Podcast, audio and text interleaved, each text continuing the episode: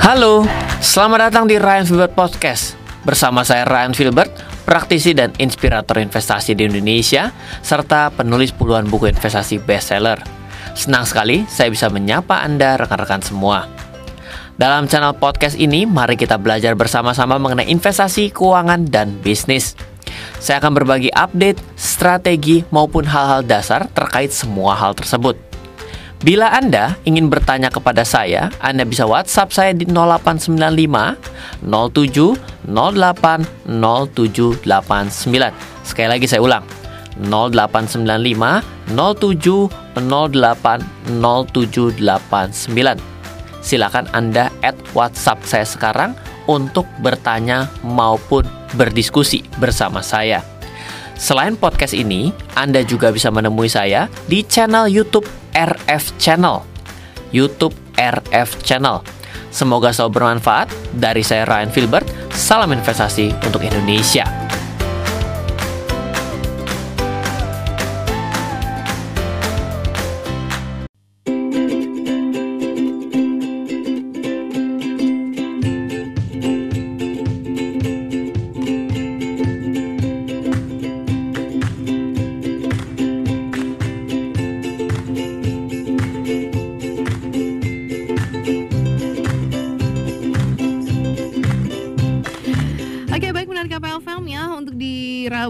Pagi seperti biasa kita uh, akan ada segmen bersama dengan Ryan Filbert ya di mana beliau ini adalah tokoh inspiratif pasar modal yang uh, diberikan oleh Bapak Presiden Joko Widodo di tahun 2016 lalu. Kemudian juga beliau adalah penulis puluhan buku investasi bestseller Indonesia serta praktisi dan inspirator investasi Indonesia. Tapi ya masih uh, akan ngebahas tentang bisnis ya pendengar KPFM di minggu ini memang beberapa minggu kemarin kita ngebahas uh, concernnya ke bisnis gitu ya. Sempat kemantu ngebahas tentang uh, bagaimana sih cara ngejalan bisnis. Terus bisa nggak sih bisnis uh, tanpa modal ya. Terus juga kita sempat ngebahas tentang uh, apakah dengan berbisnis kita perlu berhutang gitu ya.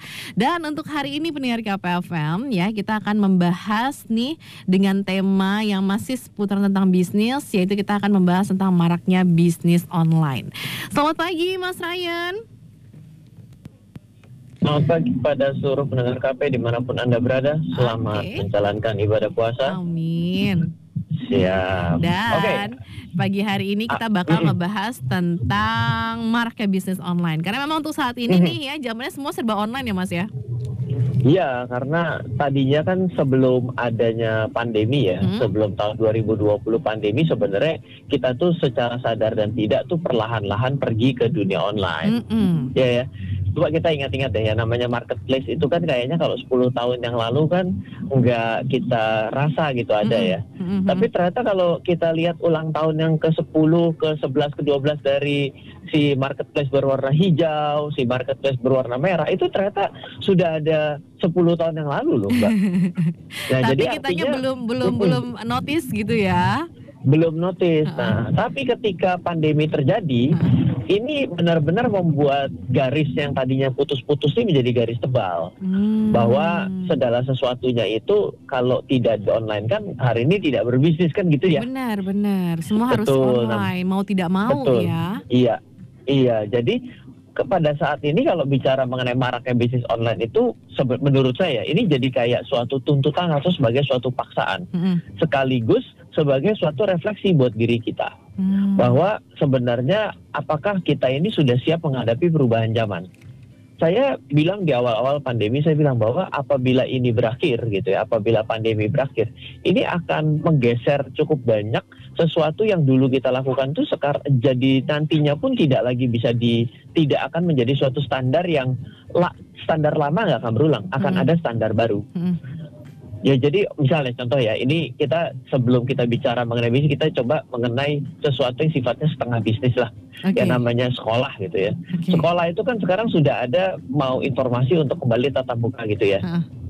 Tapi yang menarik ada satu pertanyaan di sekolah anak saya gitu, uh. dia bertanya gini, apabila ternyata sistem kombinasi online dan offline ini akan terus dilakukan meskipun setelah pandemi berakhir, uh -huh.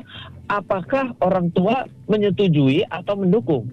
hmm. mendukung, menyetujui atau tidak mendukung gitu ya. Hmm. Aha, di sini saya lihat bahwa ternyata ada suatu standar baru gitu. Kalau dulu kan kayaknya Iya namanya kalau sekolah ya pasti harus datang harus kan gitu ya. sekolah gitu namanya juga Betul. sekolah bukan ya. Betul. Dan yang adanya di rumah saja itu namanya homeschooling kan gitu ya. Mm-hmm, homeschooling. Betul. Jadi sekarang ini sekolah yang konvensional malah jadi agak sedikit berpikir, hmm, kayaknya kalau kita bikin kombinasi begini, saya bisa mendapatkan suatu market share lebih besar. Mungkin kan Wah, jadi seperti iya, itu iya, juga iya, ya benar, kan. Benar benar benar. Jadi kayak ya, jadi kayak semi homeschooling ya. iya. Jadi homeschooling yang bilang, waduh, ini sekolah biasa jadi mau ngambil lahan saya nih kan oh, gitu. Benar benar benar. Ini baru satu, baru uh, satu contoh. Jadi sebenarnya tema pada pagi hari berbicara mengonline kan bisnis. Uh. Jadi ya namanya bisnis itu kan adalah barang dan jasa. Uh. Ya kalau jasa tentunya hari ini misal bisa jadi jasa konsultasi ya kan pelatihan online ya kan jadi akhirnya jadi pelatihan yang mungkin tadi latih untuk trainingnya masuk ke hotel hmm. dengan cara duduk ya, hmm. ya selama dua hari dua malam gitu sekarang kan jadi dua hari dua malam tapi di depan laptop. Hmm, ya benar-benar. Ya kan bener. itu sudah bergeser. Oleh karena itulah yang untuk media online itu kan misalnya untuk telekonferensi itu kan hari ini ada Meet, ada Zoom itu kan harga saham Zoom juga naik gila-gilaan uh, uh, pada bener. waktu awal pandemi uh, gitu ya. Uh, uh, uh. Kalau misalnya ada yang mungkin sekarang ada menggunakan uh, Microsoft juga seperti itu. Tapi pada akhirnya itu yang jasa Mm-hmm. Nah, sekarang kalau berbicara yang barang, barang. gitu, mm-hmm. ya kalau yang barang itu kan pertama mungkin dia itu tadinya tokonya offline, mm-hmm. akhirnya hari ini dia buka toko online, mm-hmm. ada toko buah, toko sayur online. Mm-hmm. Saya yakin banget mm-hmm. kalau di daerah saya ya di daerah Jakarta itu Tangerang itu sudah ada yang mengonline kan bisnis untuk uh, toko-toko sayur, sayur mayur, buah, kebutuhan sehari-hari itu sudah di online kan. Nah di Balikpapan juga nih mas kemarin pada saat pandemi hmm. akhirnya uh, beberapa pasar gitu ya pasar tradisional mereka itu punya nomor WhatsApp yang bisa di WhatsApp dan orang tuh bisa beli melalui WhatsApp gitu. Jadi Betul. kita bisa order by, by video call gitu. Misalnya kita mau pilih barangnya kayak gimana gitu. Jadi nanti habis itu barangnya diantar ke rumah. Nah, ini adalah metode yang lebih lebih ini lagi, lebih sederhana lagi. Uh -uh. Kalau yang pemikiran awal tadi saya maksud adalah uh -uh. mau buat website atau aplikasi, uh -uh. tapi mengonlinekan bisnis itu ya sesimpel itu, Mbak. Uh -uh, benar benar benar. Sesimpel membuka WhatsApp, uh -uh. setelah itu disebar nomor uh -uh. WhatsAppnya, uh -uh. biar semua orang itu bisa tahu uh -uh. dia harus menghubungi ke mana kalau Bener. pesan uh -uh. dan hari ini bisa video call saya ingat banget ya ketika saya SMA sekitar tahun 2011 2012 okay. itu saya pernah mewawancarai salah satu direktur dari uh, perusahaan telekomunikasi. Okay. Uh, pada waktu itu saya ada tugas gitu ya. Hmm. Itu dia bilang bahwa nanti ke depan gitu ya. Dia bilang gini, hmm. nanti ke depan orang kalau mau beli sepatu itu yang mau beli di rumah, yang mau yang minta disuruh belinya itu pergi ke supermarket atau ke mana pun hmm. di videoin pada waktu itu saya membayangkan kata-kata dia itu benar-benar terasa abstrak loh. Hmm. Saya bilang apa iya kalau orang nggak beli itu nggak dipegang apa bisa gitu ya. Bener, bener, bener. Pak direktur ini rada-rada ngimpi gitu. Eh, Ternyata beneran ya Mas ya? Itu tuh 2000 2001. Uh -uh. Jadi 20 tahun kemudian hal itu terbiasa. Uh -uh. Oh, saya kalau mau beli suruh misalnya istri saya di rumah saya suruh beli ke misalnya ke pasar swalayan gitu ya. Uh -uh pas yang di sesuai spek habis itu kan kalau dibawakan spek lain itu kan bahayanya luar biasa kan. Uh. Iya itu sudah belanja keluar duit diomelin pula. Benar. Ya itu kan. Uh -uh, jadi untuk untuk bisa menjaga batas aman itu adalah kita video call. ini bumbunya yang rawan yang ini gak ada. Uh -uh. Yang lain gimana? Uh -uh. Yang mereknya apa? Coba kita lihat dulu. Uh -uh. Nah, ini kan ini menjadi sesuatu yang menjadi umum pada hari hmm. ini. Tapi hmm. 20 tahun yang lalu saya ingat sekali saya datang ke salah satu uh, direktur telekomunikasi hmm. yang hari ini masih ada telekomunikasinya. Hmm. Dia mempresentasikan hal itu di depan saya. Saya merasa gak salah nih oh. model orang melakukan interaksi bakal kayak gitu menggunakan telekomunikasi. Iya benar-benar. Ya. Jadi, Jadi memang berkembang ya mas ya. Betul. Jadi bis, mengonline kan bisnis anda itu mungkin kalau misalnya saya nggak bisa bikin website Ryan, mm-hmm. apalagi aplikasi, aplikasi mm-hmm. kan lebih berat lagi dong, mm-hmm. karena kan aplikasi itu tentunya harus masuk ke Play Store ya kan, Hmm. iOS, lalu Hmm. habis itu ada waktu untuk menunggu agar aplikasinya itu biar biar bisa up. Kalau Hmm. website tentunya sudah lebih mudah lagi. Hmm. Tapi ada yang lebih depan lagi yaitu menggunakan apa? WhatsApp, Oke. Line gitu ya. pakai Telegram. handphone ya, pakai nomor telepon sendiri gitu ya. Betul. Kalau Heeh. dulu mungkin SMS kali ya. Heeh. BBM tuh sempat juga mas. Betul. Pakai saya waktu zaman SMS itu saya juga dulu menggunakan untuk pemesanan via SMS. Oh. Dulu kan saya oke. pedagang aksesoris handphone nih Mm-mm, lintas mm-mm, mm-mm. lin- lintas kota ya kan. Heeh. Jadi saya yang saya lakukan itu saya mem- membagi-bagikan nomor SM, eh, nomor saya Heeh. untuk di SMS orang. Oke. Tapi mungkin lebih mahal kali kalau dulu kan satu SMS 350 rupiah ya. Saya saya sampai hari ini malah nggak tahu loh SMS sekarang harga berapa. Saya jujur saya nggak tahu gitu ya. sama karena semua pada pakai eh, aplikasi untuk chatting kan, mau itu WhatsApp, mau itu Line atau bahkan Betul. bisa pakai Instagram melalui DM gitu kan ya. Betul. Mm-mm. Jadi kalau misalnya pada saat ini bicara mengonlinekan bisnis itu ya Heeh. baik ba- baik sifatnya barang, Heeh. baik sifatnya jasa itu Heeh. bisa kita online kan. Benar. Itu dasarnya dulu. Mm. Dan saya bilang nggak bisa lah, jangan menunggu pandemi berakhir nanti akan baik-baik saja. Mm-mm. Menurut catatan saya ya, itu akan terjadi suatu pergeseran signifikan. Mm. Gitu. Kenapa? Karena terjadi pergeseran signifikan karena sesuatu yang sudah kita lakukan lebih dari satu bulan itu akan menjadi suatu kebiasaan. Kebiasaan. Mau kebiasaan baik kebiasaan buruk itu pasti kok dalam satu bulan pertama lah titik pembelajaran yang akan masuk ke dalam diri kita sebagai suatu kebiasaan. Mm, mm, mm, mm. Jadi pada saat ini tidak bisa menunggu, tapi kalau misalnya obstacle-nya, kalau handicap-nya atau halangannya adalah karena katanya gaptek gitu ya. Ya mungkin kita kembali ke yang versi yang paling gampang, yaitu ya mungkin pada hari ini WhatsApp kan pengganti SMS ya. Mm. Ataupun juga ad- ya ada juga sih lebih lebih proper menurut saya juga email juga Email, masih ba- ha. masih bisa digunakan. Iya benar. Tapi mungkin orang nggak lebih suka untuk meng-email dibandingkan eh, kalau untuk memesan sesuatu dan ingin bertanya karena yang dituntut kalau di Indonesia ya itu adalah interaksi. Mm, Fast respon.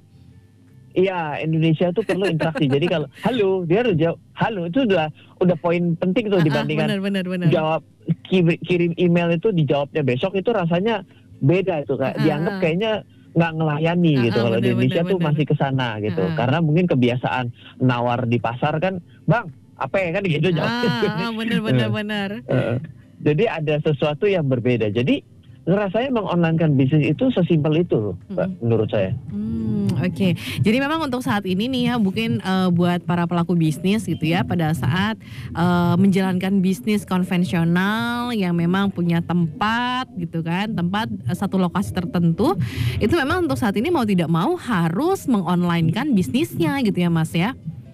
Harus double harus dia Ah. harus bisa shifting uh, di dua hal jadi kalau misalnya dulu ya Ah. bicara kan kalau orang jualan digital marketing tuh selalu bilang gini oh iya pak bapak sudah punya bisnis bagus di satu tempat tapi bapak kayaknya kalau nggak punya website susah deh pak Heeh. Nah itu sebenarnya memang dulu memang kayak gitu gitu tapi Hmm. kalau hari ini mungkin bukan hanya website ya Heeh. website itu kan sesuatu yang mungkin orang masih perlu kemampuan untuk membuat meskipun nggak juga loh Heeh. kalau dibilang dibilang perlu kemampuan ini cuma mau mencoba atau tidak Heeh. ada namanya uh, Google My Business. Oh, oke. Nah, kalau Google itu ketika kita sudah memiliki satu akun gitu ya, maka kita bisa me- kita bisa mendaftarkan kita punya uh, usaha itu pada akunnya kita itu dengan namanya My Business. Hmm. My Business itu akan ditanya sama Google alamatnya di mana, namanya apa, Hmm. deskripsinya apa, buka Hmm. jam berapa sampai Hmm. jam berapa, Hmm. yang dijual produknya apa saja. Lalu kirimkan foto-fotonya. Oke. Nanti ketika masuk ke mesin pencari dan sudah diverifikasi, biasa dikirimkan surat Mm-mm. untuk melakukan verifikasi dalam tiga hari. Mm-mm. Itu ketika masukkan ke Google, itu ketika diketik itu nama anda udah muncul di paling atas loh. Oke, jadi itu menjadi Itu salah bener. satu cara untuk yang mau berbisnis dengan eh, mungkin modalnya untuk online-nya itu belum terlalu banyak gitu kali Mas ya. Iya betul. Jadi di di Google sendiri itu sudah mempersiapkan etalase untuk kita pajang barang-barang kita. Oke, sudah dipermudah gitu kan ya. Betul. Jadi memang untuk saat Atau- ini sih ngomongin tentang bisnis tuh siapa pun tuh bisa berbisnis gitu ya Mas ya. Yang penting dia mau dulu jalanin bisnisnya. Oh iya, kalau ke- pada akhirnya gini, kalau kita itu kan sebenarnya kalau asal muasalnya bisnis itu kan adalah sesuatu yang kita punya aksesnya Hmm. atau yang kita kuasai. Uh. Oh saya saya bisanya make up. Mm. Misal, oh yaudah berarti jasanya hubungan make up. Mm. Oh saya bisanya mungkin adalah uh, punya jasa konsultasi, Mm. konsultasi legal atau perizinan usaha. Mm. Oke, keputus teleponnya pendengar KPFM. Suka gitu ya. Jadi memang nih pendengar KPFM ngomongin tentang eh, bisnis gitu ya. Memang eh, harus eh, harus dengan passionnya atau mungkin dengan hobinya gitu ya. Tadi juga Mas Ryan juga sempat eh, menyampaikan gitu ya. Kalau misalnya pendengar KPFM suka make up, ya nggak ada salahnya untuk kita menjalankan bisnis make up gitu ya. Tapi kalau misalnya pendengar KPFM punya eh, passion yang lain ya eh, untuk masuk ke dunia bisnis gitu ya, nggak ada salahnya untuk uh, kita mencoba untuk menjalankan bisnis itu. Mas Ryan, mohon Iya. maaf tadi keputus teleponnya. saya tadi sampai mana sampai bingung. Sampai mana mbak? Sampai tadi uh, ngomongin tentang uh, passion misalnya Mas Ryan suka uh, make up, ya udah mencoba Misal. untuk bisnis make up. Betul. Nah setelah kita bisa misalnya oke kita make up ataupun kita yang jasa lain misalnya kita konsultasi Ah, legalitas ah, misalnya gitu ya. ah, ah. Nah, itu kita buatkan dulu. Kita pikirkan, kita ini mau disentuh online oleh calon customer kita. Itu melalui apa? Mm-mm. Melalui web website kah? Melalui email kah? Atau melalui sosial media kah? Atau mungkin melalui jalur untuk uh, online chat kah? Misalnya seperti WhatsApp kah? Sudah. Oke. Setelah itu tinggal sesimpel ya kalau dari saya nih ya. Kalau Hmm, misalnya hmm. Anda misalnya punya WhatsApp gitu ya. Hmm. Itu biasanya orang itu suka uh, orang ya, orang itu suka adalah dengan just click. Jadi dia hanya sukanya klik dan abis itu bisa langsung sampai Hmm. daripada memasukkan nomor handphone. Hmm, hmm, hmm, hmm. Nah, maka caranya adalah itu buatkan short link. Ah, shortening yang memang sekarang Short- mudah banget bikin short link. Betul. Jadi Hmm. kalau misalnya kita punya website kan enak. Hmm. Nama saya Ah, ryanfilbert.id. ah, Itu kan udah gampang sekali gitu. Ah, Tapi kan ah. kalau misalnya ternyata saya cuma punya WhatsApp, Hah? oh, Mbak, coba ya nanti add WhatsApp saya kosong sekian sekian sekian sekian sekian. Panjang. Kalau 12 12 angkanya bagus nomornya kayak Ah. nomor saya. Ah, Ya, saya udah kalau saya pilih nomor itu pasti saya pilih nomor yang bagus tuh gampang diingat. Oke. Tapi ternyata kita ini adalah pebisnis by accident. Jadi memang menggunakan nomor yang sudah ada kita pegang dan Aha. kita rasa repot sekali kalau punya dua nomor. Oke. Ya udah di short link. Oke. Kalau misalnya bisa pakai uh, bit.ly itu kan bisa Ah. tuh ya di short link. Nah, setelah kita punya short linknya, cara yang paling bagus adalah kita informasikan kepada yang ada di phonebook kita. Mm-mm. Kalau misalnya sekarang kita Atau tuh yang- punya bisnis gitu ya, kalau misalnya pengen tahu langsung klik aja short linknya. Tambahkan di deskripsi kalau kita punya sosial media. Hmm, ya bener banget. Sosial media itu Iya. bisa jadi branding juga ya Mas ya, tempat buat kita Betul. nge-branding.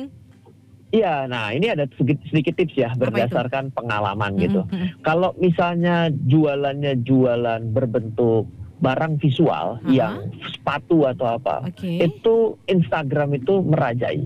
Oke. Kalau misalnya punya suatu jasa yang sifatnya uh, profesional as a consultant Mm-mm. ataupun misalnya ya pokoknya yang ada hubungan dengan jasa, Hmm. itu LinkedIn juga merajai. LinkedIn, oke. Iya. Bahkan kalau cari job-job dari luar negeri ya, Mm-mm. itu LinkedIn banyak bisa dapat. Oh, Oke, nih ya. Jadi mungkin yang yang pengen jadi konsultan gitu kan, bisa Iya. dicek, eh, cari ya, cari targetnya di LinkedIn ya Mas ya.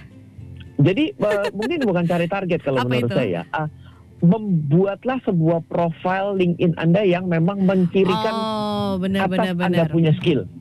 Ya, Karena ya, kalau ya, di ya. LinkedIn itu kan ditanya expertise Anda apa sih Mm-mm. gitu ya. Nah, lalu kalau misalnya targetnya untuk milenial ya. Milenial itu eh, versi yang 30 ke bawah, itu mungkin YouTube itu juga oke sama Instagram. Mm-mm. Lalu eh, li- line juga untuk jalur komunikasinya. Kalau misalnya untuk yang 30 up itu Facebook. Oh, 30 up itu Facebook. Iya, jadi kalau misalnya entah produknya atau apa pun ya, tapi Facebook itu memiliki maturity age-nya lebih tinggi Mm-mm. daripada daripada Instagram. Jadi kan memang kan sama-sama sama-sama nih kan kalau kita mau belajar pemetaannya daripada digital ini kan Ha-ha. Facebook, Instagram, WhatsApp ini kan satu bos, Ha-ha, Mr. Mark tuh, ha-ha. ya kan? Nah, itu tapi Zuckerberg. memiliki segmentasi yang berbeda. Nah, kalau misalnya Oh, kita oke. di dalam negeri itu tetap WhatsApp. Oke. Kalau misalnya sudah ada hubungan ke luar negeri, maka kita bisa menggunakan uh, Facebook Messenger. Mm-mm. Kalau kita perginya cukup banyak ke areal-areal daerah negeri Korea itu, maka itu Line. itu juga kuat ya di sana sama okay. Kakao Talk ya. Iya Kakao Talk. Mm -mm. Okay. Jadi pemetaan daripada kit Anda juga jangan salah gitu. Kalau mm -hmm. website sifatnya universal. Mm -hmm. Nah, kalau misalnya yang sudah memiliki yang sudah memiliki website dan lain sebagainya gitu ya, itu juga coba untuk mulai mempelajari yang namanya digital marketing data untuk bagaimana memastikan kata kunci. Ah, benar benar benar benar. Ini jadi ilmu baru yeah. juga nih. Jadi biasanya ya uh, para pelaku bisnis online itu kalau misalnya dia punya uh, Facebook, dia punya Instagram, dia punya WhatsApp, kadang postingannya itu di tiga media ini sama gitu ya. Harusnya memang perlakuannya beda ya, Mas ya? Um, karena mungkin kita masih kecil gitu ya sehingga kalau kita mau membedakan mungkin agak berat gitu ya. Hmm, Jadi ya, ya itu ya, pertama kali itu much better tetap berjalan gitu. Hmm, Tapi hmm, hmm, tetap saja menurut saya kita harus tahu memancing di kolam yang tepat dong ya. Ah, iya, Kalau kita mancing di kolam yang salah kan berarti kita ingin dapatnya ikan paus kita dapatnya jangan-jangan ikan teri gitu. Jadi salah tempat gitu. Nah itu memang pemetaan dalam sosial media pada saat ini untuk kita jadikan sebagai uh, bisnis kita ya. Artinya mm-hmm. untuk menjadi garda terdepan terhadap bisnis kita. Mm-hmm. karena pada hari ini orang banyak yang tidak kalau misalnya ya usia milenial itu tidak mencari melalui googling loh tapi dia mencari barangnya itu melalui Instagram. Iya pakai hashtag tuh mereka.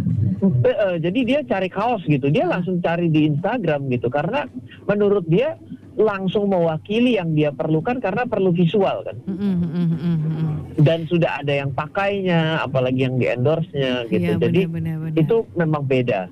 Tapi kalau kita tetap mau proper secara secara uh, long lasting gitu, menurut saya tetap harus website, website, website punya email. Mm-hmm. Setelah itu di dalam situ ada kontaknya dan yang lain sebagainya, mm-hmm. ditampilkan mengenai berbagai macam uh, sosial medianya, mm-hmm. lalu memperbaiki kata kunci kata kunci yang ada di website. Itu menurut saya adalah metode pemiliki bisnis online ataupun gerai online yang memang lebih proper. Hmm, Oke, jadi memang tetap disarankan agar para pelaku bisnis online itu memiliki website sendiri untuk produknya gitu ya Mas ya. Ah, kenapa? Pertanyaannya kenapa? Begini, hmm. coba kita ingat-ingat. Kalau kita tidak pernah tahu loh kapan sebuah tren dari sebuah uh, setting uh, platform hmm? ataupun online platform itu bisa bergeser. Hmm, iya, iya, iya, Misal kalau kita lihat BlackBerry Messenger gitu, hmm. Kan sekarang udah nggak dipakai lagi. Udah, udah nggak dipakai Berarti, BBM. Betul, kalau Anda punya satu pin BBM yang pada saat itu punya 100 ribu kontak sekalipun, hari ini nggak ada gunanya. Mm -hmm, bener, Orangnya bener. sudah pada geser semua pindah ya, ke WhatsApp. WhatsApp. Ataupun mungkin geser ke Telegram toh. Mm -hmm, ke Telegram. Benar, Seperti benar, itu. Jadi rasanya website itu tetap uh, selama Anda bayar bu, tahunannya untuk hmm. posting dan domainnya, hmm. maka kan Anda tetap aman ya. Itu punya Anda gitu loh. Hmm, benar-benar. Itu benar-benar toko Anda, bukan tokonya atas nama Anda tapi ada di Instagram. Oke. Okay. Jadi Seketika memang... ada ganti kebijakan, huh? Anda akan selesai juga tokonya. Oke, jadi tetap aman ya. Jadi memang Betul. tetap disarankan untuk uh, memiliki website ya apalagi kalau misalnya memang uh, bisnisnya itu sudah mulai uh, mulai bagus gitu ya mas ya iya okay. kalau saya sih biar nggak kerjanya bar nggak kerjanya dua kali ya itu lebih baik dibangun barengan oh berarti bersamaan ya mas ya Betul, karena perlu waktu untuk misalnya kita punya website itu perlu waktu untuk bisa sampai dikenal oleh kata uh, kata pencarian dan kata kunci itu masih hmm. perlu waktu. Hmm, iya, iya, kita iya. lagi repot membangun yang namanya ya, kita punya Instagram gitu. Hmm. Ya kenapa nggak kita konekkan Instagram kita kontennya ke dalam kita punya website, hmm, hmm, hmm. fotonya tetap kita masukkan. Kan hmm, hmm. saya di awal kita sepakat bahwa walaupun ternyata itu-itu saja yang kita postingkan, hmm. tapi kan tetap saja akan punya jalan yang sinergis gitu loh. Hmm. Daripada nanti ketika kita sudah jalan di satu hal, ternyata kita baru mau buat kan kita harus mulai lagi dari nol dari untuk mengisi nol, kontennya kan. Iya benar juga sih. Jadi tetap harus beriringan gitu ya jalannya ya Mas ya. Betul. Oh, Jadi kalau kalau saya mau buat catatan gitu ya, hmm? misal ya um, di Facebook sendiri itu juga kita harus tahu loh bahwa yang namanya Facebook ada Facebook Group, ada misalnya fanpage gitu ya, mm -hmm. ada Facebook personal. Itu hmm. juga memiliki strategi yang berbeda-beda dalam sudut pandang. Artinya um, setiap suatu barang dan jasa itu tidak selalu tepat. Misalnya perginya membuat grup. Hmm. Ya itu menurut saya ya. Hmm. Kalau misalnya lebih tepat untuk ke uh, bikin fanpage. Hmm. Kenapa fanpage lebih tepat kalau misalnya dia punya barang sendiri? Hmm. Oh karena fanpage itu bisa diiklanin di Facebook Ads. Sedangkan kalau grup kan nggak bisa. Iya benar-benar. Seperti itu. Tapi kalau grup misalnya cocok untuk yang memiliki jasa. Mm. Misalnya dia masuk ke dalam alumni pelatihan yang ataupun seminar mm. ataupun khusus grup khusus daripada suatu produk-produk tertentu yang membutuhkan update sehingga ketika masuk membutuhkan sebuah approval mm. itu bisa di grup gitu kan. Ya, Jadi beda-beda gitu. Mm -hmm. Kita kalau mau menguasai pemetaan daripada bisnis online dan bagaimana mengonlinekan sebuah bisnis, hmm? mungkin hak akhirnya sama loh, mbak. Kayak kita kita mau belajar saham mesti mulai dari mana? Oh iya iya iya iya ya jadi memang gitu. uh, dimulai dari awal gitu ya dan hmm. juga yang pastinya uh, pada saat kita mau memulai terutama nih buat para uh, pebisnis pemula gitu ya.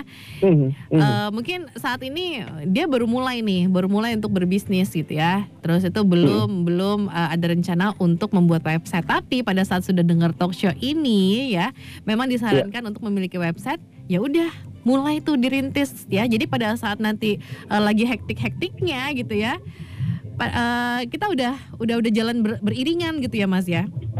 Misal sesimpelnya gini mbak, uh. kalau misalnya website gitu kita bingung, aduh terakhir saya bingung bagaimana cara bikin yang namanya untuk pemesanan itu kan repot sekali ya, yang yang bagus. Aduh, keputus lagi.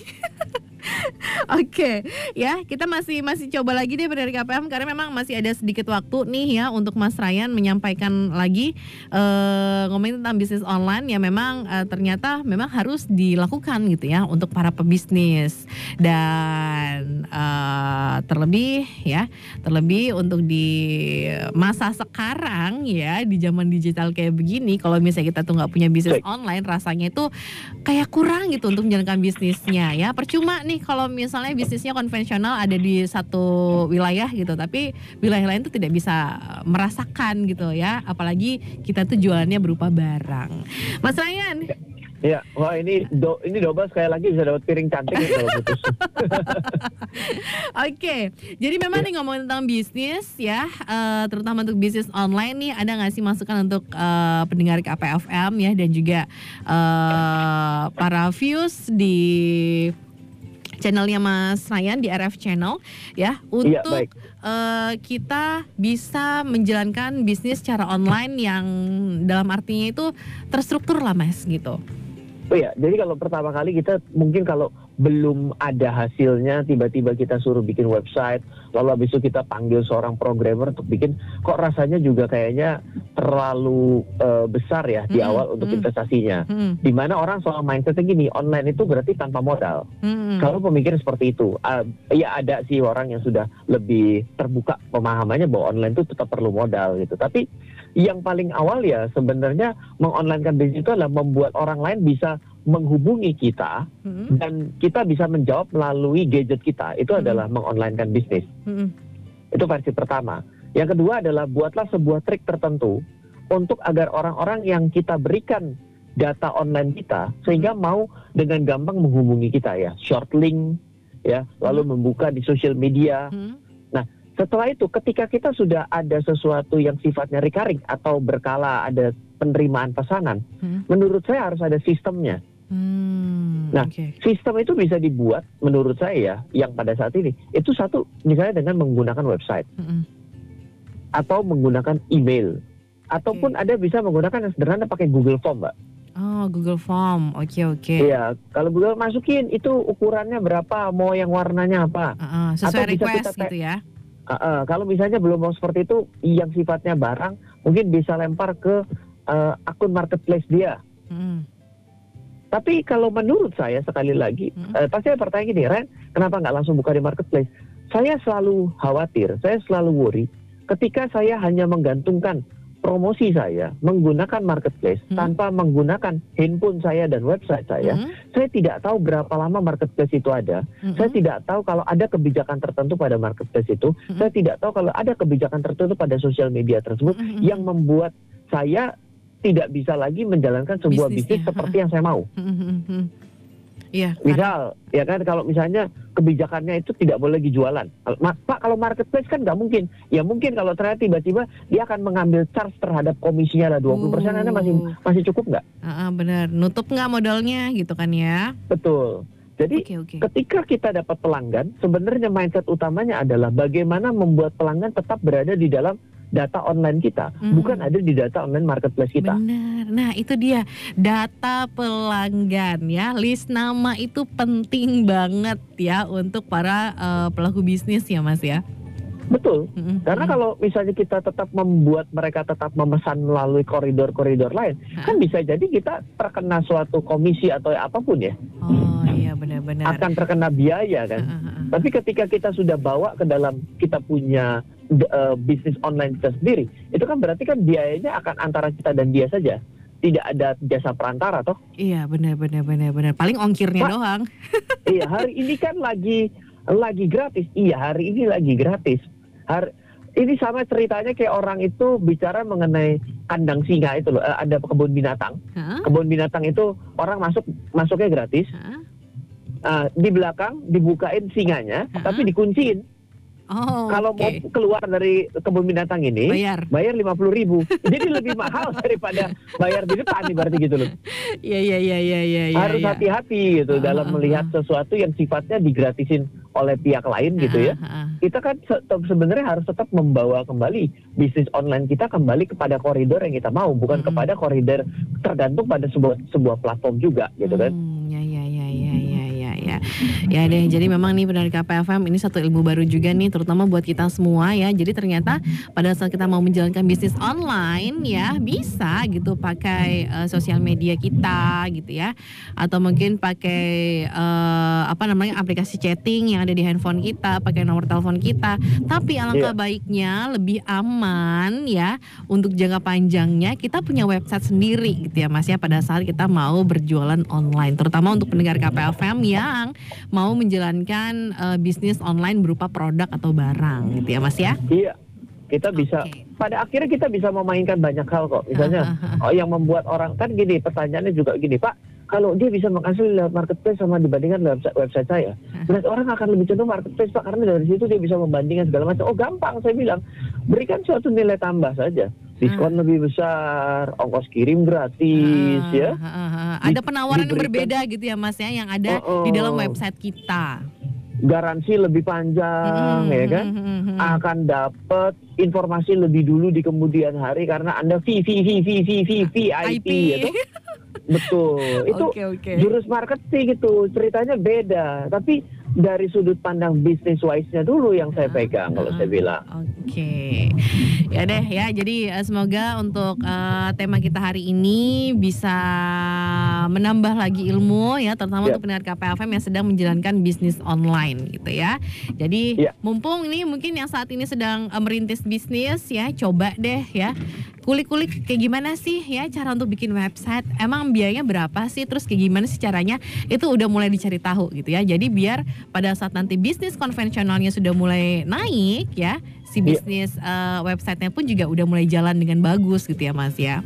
Enggak mahal kok. Hari ini makin murah. Nah tipsnya kalau misalnya teman-teman itu buat website coba domainnya itu uh, jangan cari domain-domain yang tidak umum belakang dotnya misalnya .com itu oke, okay. hmm. .id kalau di Indonesia ini saya tidak tahu ya ada peraturan seperti apa, tapi kalau industri keuangan hmm. itu uh, .id itu sudah menjadi mandatori, sudah menjadi kewajiban. Hmm. Nah nanti setelah itu daftarkan website Anda ke Kominfo, hmm. namanya adalah pendaftaran sistem elektronik sehingga hmm. website Anda ini secara data daripada negara kita ini sudah terdaftar lah secara domainnya. Okay, sudah legal itu, ya. Betul. Lalu hosting, hosting itu juga nggak mahal. Pada hari ini bisa share hosting lah kalau misalnya belum buat hosting sendiri karena masih ada kebutuhannya sangat kecil sekali. Hmm. Pakai share hosting bisa. Hmm. Setelah sudah di share hosting itu bagaimana cara mengisinya? Ini banyak sekali kok yang namanya uh, open source open source yang memang just single click Anda sudah tinggal ngetik saja gitu. Hmm. Misal namanya WordPress itu udah gampang sekali. Hmm. Kalau misalnya nanti sudah pingin tambahkan lagi yang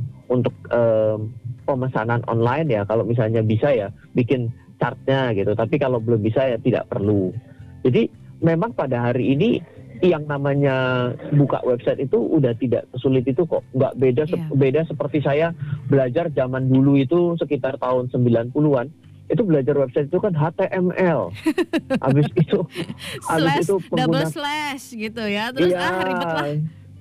Ini ada headernya, ada bodinya ya kan. Habis itu ditutup ya kan jangan lupa untuk ngasih warna harus menggunakan kode warnanya. Mati ya suruh bikin begitu.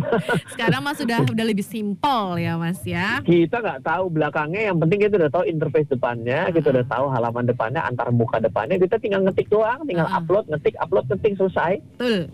Ya jadi memang untuk saat ini uh, teknologinya juga sudah mulai maju ya. Jangan sampai kita para pebisnis ya nggak bisa ngikutin teknologi yang ada saat ini gitu ya. Nanti bakal usahanya akan akan redup gitu ya Mas ya kalau misalnya nggak ngikutin Tapi, zaman.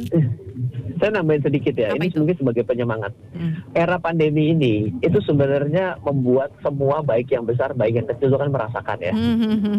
Nggak ada kan yang bebas pandemi kan nggak ada tuh. Benar nggak ada. Mau lu paling kaya santero jagat juga tetap kena yang namanya corona ya kena juga gitu kan. Uh -uh. Nah artinya kita tuh merasakan kondisi yang sama. Yang kedua adalah online itu sebenarnya bagi pelaku-pelaku yang um, pada saat ini mungkin sudah kelihatan settle, itu mereka juga masih belajar online loh. Hmm. Jadi buat buat perusahaan-perusahaan yang besar gitu ya, hmm. mereka juga masih banyak trial error. Hmm, gitu. gitu. Jadi jangan terlalu takut. Mereka juga masih error. Tiba-tiba hari ini menggunakan uh, coba coba coba perhatiin ya Eh, mungkin ada restoran-restoran yang hari ini udah begitu besar di sekitar Anda. Hmm? Begitu pandemi itu dia baru memulai untuk mem mem memulai menggunakan pemesanan melalui WhatsApp hmm. atau menggunakan si biru, si hijau, si apa lagi hmm, gitu ya. Hmm, hmm, Seperti itu kan? Hmm. Akhirnya mereka berinovasi. Dulunya, dulunya mereka menganggap bahwa bisnis mereka tidak perlu menyentuh online, betul nggak? Hmm, hmm. Mau tidak Artinya mau ya. Sama-sama startnya saat ini. Oke oke oke. Sama-sama belajar, mereka juga belajar, kita juga belajar. Jadi don't worry hari ini jangan terlalu takut dengan kata-kata oh dia pemain besar yes hmm. bisnisnya sudah besar tapi hmm. kalau masalah online belum tentu dia juga sudah besar gitu oke okay. thank you banget mas penyemangatnya ya. di ending ya semoga kita semua bersemangat untuk menjalankan uh, bisnis ya karena memang nih benar gak apa-apa ngomongin tentang bisnis semua orang itu butuh ya butuh ya namanya uh, semangat ya untuk bisa menjalankan usahanya masing-masing terutama untuk para pengusaha-pengusaha muda nih. Mhm. Ya, thank you banget Mas Ryan. Oke. Okay, ya, untuk infonya pagi. hari ini semangat iya. pagi dan yang pastinya sehat terus ya. Oke, okay, sama-sama. Oke, okay, thank, thank you. Dan juga nih yang pastinya pendengar KPFM tetap stay tune hanya di 95,4. KPFM memainkan lagu terbaik di balik papan.